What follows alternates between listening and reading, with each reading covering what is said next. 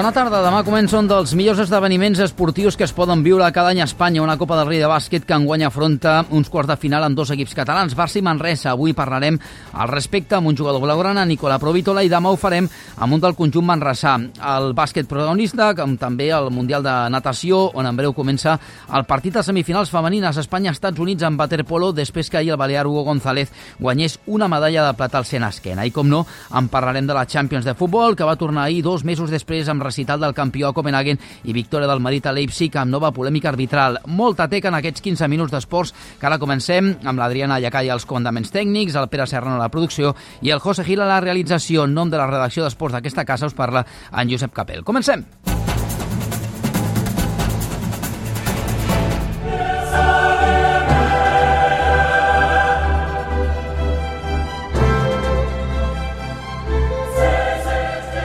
Ja han començat els vuitens de final de la Champions i sense sorpreses victòries dels dos favorits a les eliminatòries, eh, tot i que de diferent manera el City de Pep Guardiola va passar per sobre del Copenhagen amb un De Bruyne estel·lar. Un a tres pels anglesos que deixen pràcticament resolta la classificació pels quarts a l'espera de la tornada a Manchester. Perquè fa el Real Madrid va patir a Leipzig quan el porter Lunin va acabar sent el millor dels blancs que van resoldre amb un golaç d'Abrahim a la segona part per posar en avantatge els d'Ancelotti de cara a la tornada al Bernabéu. El tècnic madridista va reconèixer el disc discret partit del seu equip, però es va mostrar satisfet per la victòria i pel compromís dels seus jugadors. Hay que sufrir, hemos sufrido, se podía marcar más, sí, se podía también encajar. Entonces salimos contentos teniendo en cuenta que es una pequeña ventaja, pero tendremos que aprovechar de nuestro estadio a la vuelta. El partit, però, va quedar marcat per una decisió polèmica després que el col·legiat anul·lés un gol a Leipzig al minut 2 a l'interpretar que un jugador que toca l'esquena a l'Unin intervé en la jugada i, en conseqüència, situaven fora de joc. Una decisió controvertida amb el famós Bambo, que era el vídeo arbitratge,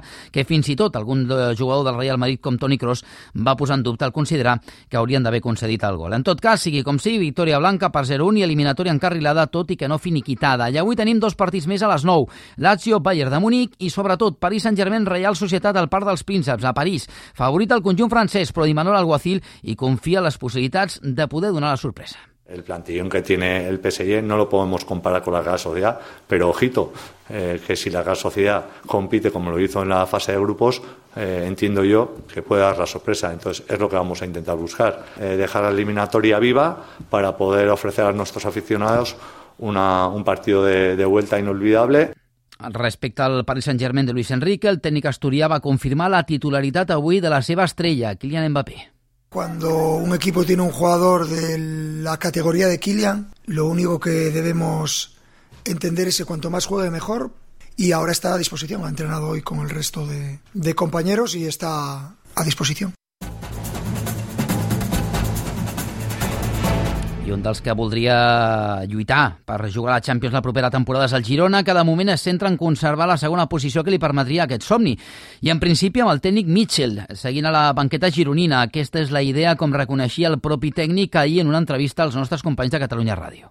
Tinc contracte i, i estic molt a gust, molt a gust, i la meva família també, i per això penso que, que continuarem eh, aquí i compta perquè el Girona en els propers minuts podria anunciar la renovació d'algun dels seus jugadors, com per exemple Gazzaniga.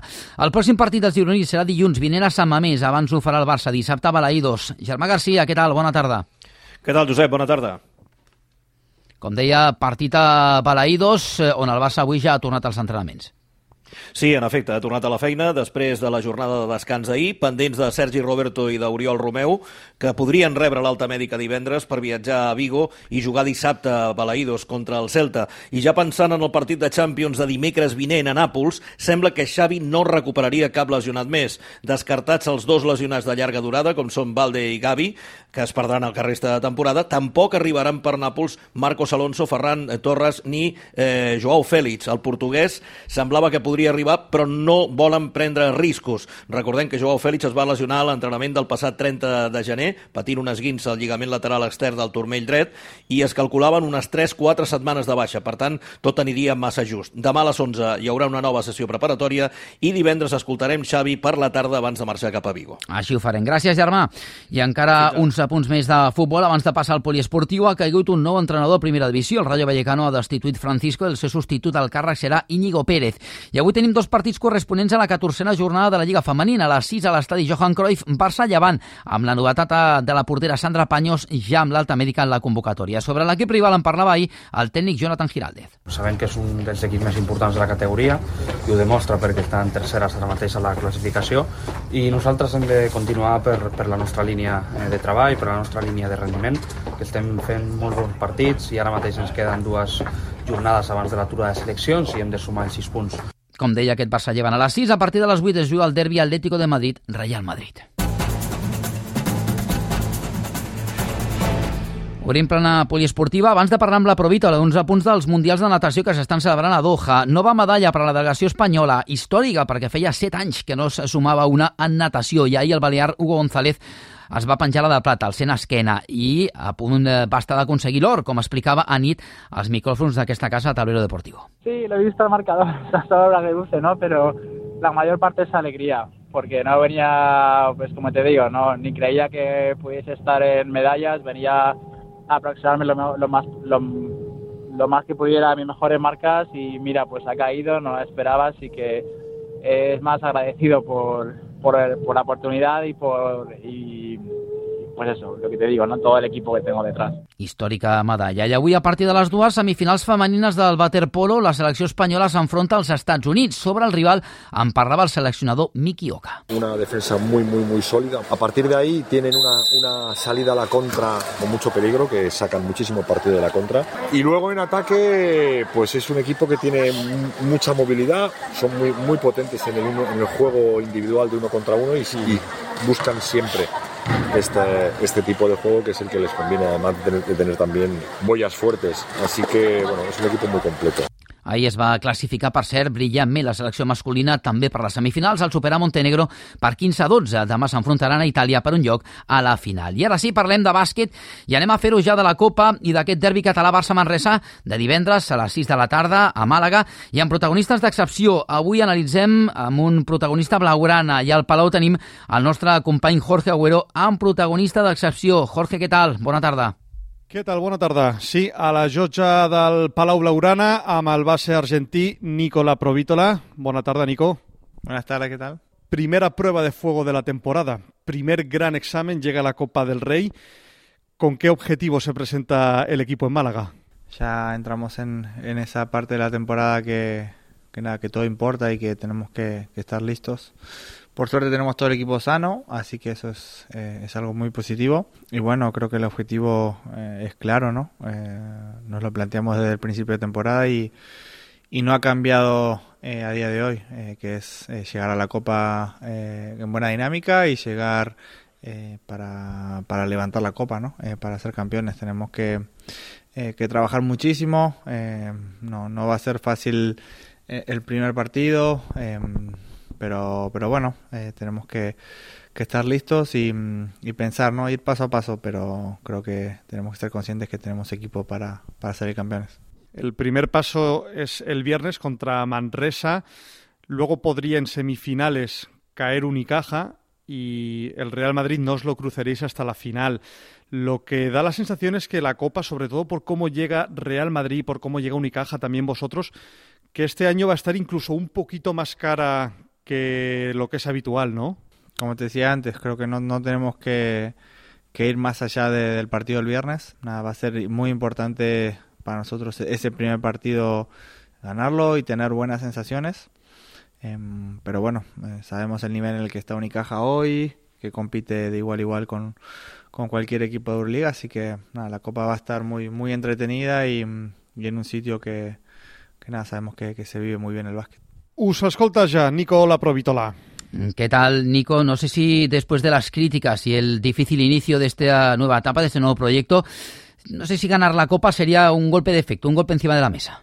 Lo mediático es lo mediático eh, y va a seguir siendo así. Eh, y, y, sabemos cómo, cómo, es este club, lo, lo, que atrae, lo que, lo que genera y, y bueno, tenemos que, que, ser conscientes de lo que pasa en el, del vestuario para adentro. Obviamente, eh, un título eh, como la Copa eh, reafirmaría un montón de cosas eh, en este primer año, pero tenemos que estar tranquilos. El trabajo que estamos haciendo es, es muy, muy bueno y, y, sí, queremos ganar la Copa, eh, tenemos equipo para ganar la Copa, pero bueno, tenemos que, que ser conscientes de, de, lo que es eh, en grande ¿no? este proyecto. No me puedo resistir, Nico, evidentemente, a preguntarte por Ricky Rubio, juego o no la Copa. ¿Cómo lo estás viendo en estos eh, inicios en el, de entrenamientos con el Barça? Bueno, muy bien, ¿no? Incorporándose al equipo, ¿no? Él viene a sumar, a ser uno más. Eh, sabemos, ¿no? El, lo que significa eh, Ricky para, para el básquet español, para el Barça. Em, nada, tenemos que, que ayudarlo a, a, que se sume, ¿no? A la dinámica del equipo eh, lo más rápido posible.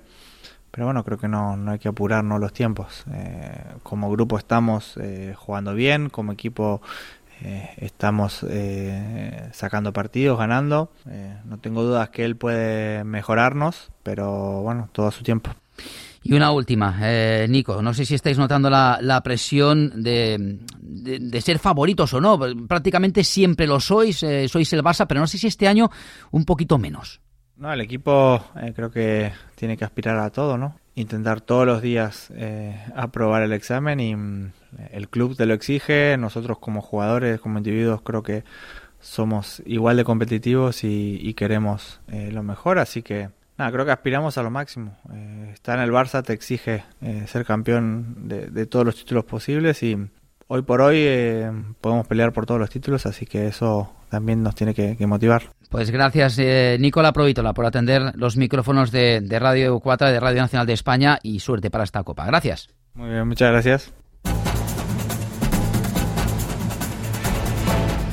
I com dèiem del futbol, també torna la Champions, en aquest cas d'handbol, més de dos mesos després. Avui juga el Barça a domicili. Àlex Carazo, què tal? Bona tarda. Bona tarda. A partir de dos quarts de set, el conjunt blaugrana visita el GOG Gudme. No ho farà la pista habitual dels danesos a la ciutat de Gudme, sinó al Sidbank Arena de Kolding. És un pavelló més gran, amb capacitat per uns 5.000 espectadors. Per tant, s'espera un ambientàs en un país on es viu molt més l'handbol que aquí a Espanya. Així valora el retorn a la Champions al pivot del Barça, Luis Frade volver de, de, un parón de celes y empezar la, la Champions es un, un, poco difícil. Ya hemos cambiado un, un poco los costumbres de, de, ataque y de defensa y tenemos que volver a, a, estar todos juntos y a pesar como uno. Ahora tenemos que cambiar el chip y pensar más en un equipo que de un país que vive el balonmano, tiene internacionales que estuvieron ahí en el europeo y que nos van a plantar cara. El Barça arriba líder del seu grup amb 9 victòries i una derrota. A falta de 4 jornades té una victòria de marge respecte al Magdeburg a la segona plaça i dos respecte al Vesprem, que és quart. Si guanyen a Dinamarca, tindran pràcticament a la mà assegurat passar directament als quarts de final perquè recordem que els dos primers de cada grup eh, s'estalvien la ronda de vuitens. Para eso estamos aquí nosotros y para eso trabajamos. Eh... Obviamente que empezamos a ferver un pelín más porque, porque nos gusta jugar eso ¿no? y nos da adrenalina y está, solo queremos jugar estos partidos. Com dèiem, Josep, aquesta tarda jornada 11 de la fase de grups de la Champions a partir de dos quarts de set Gudme Barça. Perfecte, estarem atents. Gràcies, Àlex. Eh, I uns apunts abans de finalitzar. Tornant al bàsquet, el Girona ha apartat el seu jugador Corey Davis de la dinàmica del primer equip, segons s'han explicat, per haver infringit el codi ètic intern. Encara en bàsquet, la penya, la joventut, ha renovat el base dominicà Andrés Félix un any més, fins al 30 de juny del 2026. Molt bona notícia per la penya. Recordem que ara mateix, si no és el més, és un dels més importants de l'equip. En ciclisme, la vaga dels agricultors ha provocat que es canceli la primera etapa de la Vuelta a Andalusia per la falta d'efectius policials de la Guàrdia Civil. I acabem amb tennis. Derrota ahir de la catalana Paula Badosa als 700 de final del torneig de Doha al Qatar davant de la canadenca Leila Fernández. Va caure, com dic, en 3 sets, va guanyar el primer 6 a 0, però va perdre els altres dos per 6 a 2 i 6 a 3. I fins aquí els esports en el dia d'avui. Demà tornem. Gràcies, bona tarda.